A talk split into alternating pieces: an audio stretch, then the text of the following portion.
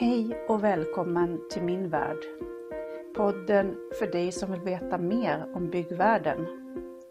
Här kommer jag dela med mig av mina erfarenheter, vad du behöver veta om du ska bygga nytt eller renovera ditt hus. Välkommen till Fråga Byggkonsulten. Mitt namn är Eva Karlsson.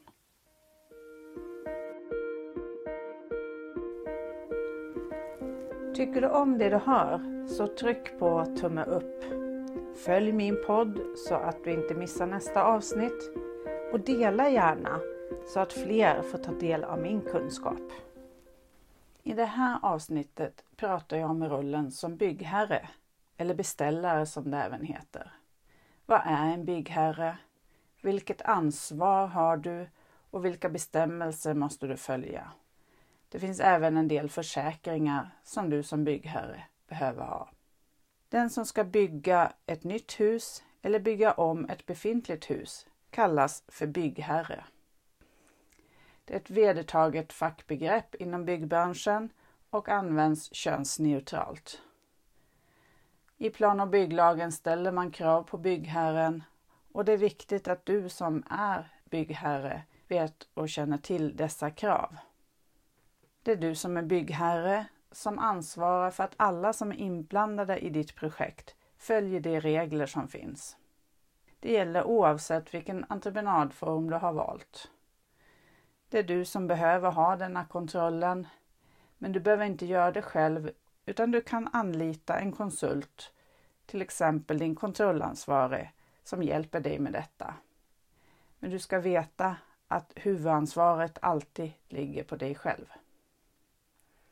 Det finns en hel del bestämmelser som du behöver följa och de står att läsa i, i plan och bygglagen. Du behöver även följa Boverket och Arbetsmiljöverkets skrivelser. På det tekniska samrådet ska ni ha gått igenom det här och de punkter som är viktiga att ta upp i kontrollplanen. Kontrollplanen ska fastställas och det är du som byggherre som är ansvarig för att se till att de här kontrollerna och provningarna utförs i tillräckligt stor omfattning. Det är också viktigt att tänka på omgivningen när du bygger nytt eller bygger om ditt hus så att den fungerar så smidigt som möjligt. När du bygger så behöver du ha ett färdigställande skydd. Och det är en försäkring som oftast ingår i husleverantörernas åtagande. Men kolla upp vad som gäller just för dig.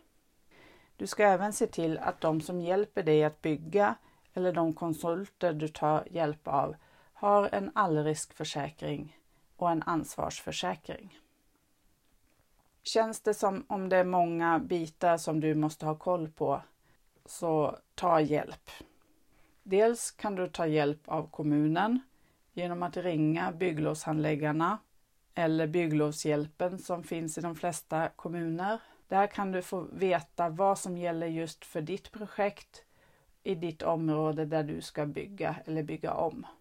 Det finns även energirådgivare på kommunen om du behöver hjälp att diskutera vilken lösning som just du ska använda i ditt projekt.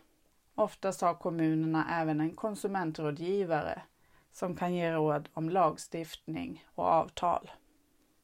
I kommunens arkiv så hittar du ritningar och kartor på det som är byggt sedan tidigare. Där kan du hitta information om fastigheten som du äger, om servitut och om det till exempel finns fornlämningar i ditt område så ska de finnas markerade på de här kartorna. Känns det ändå som väldigt mycket att hålla koll på så ta hjälp av en konsult eller ett ombud. Den kontrollansvarig har oftast väldigt hög kompetens inom många områden och kan hjälpa dig genom hela processen från bygglov till slutbesked. I det stora hela så blir ditt byggprojekt billigare om du skulle anlita en byggkonsult. Om du fortfarande tycker att det är mycket att hålla reda på i en byggprocess så ta hjälp av en konsult. Din kontrollansvarig kan oftast hjälpa dig från bygglov till slutbesked och genom hela byggprocessen med byggnationen också. Det kostar en del, men du tjänar in det i längden om du ser på helheten i ditt byggprojekt. Om byggprocessen stannar upp så rinner pengarna iväg. Det kan bli dyrt att rätta till byggfel eller konsekvenser av felaktiga avtal.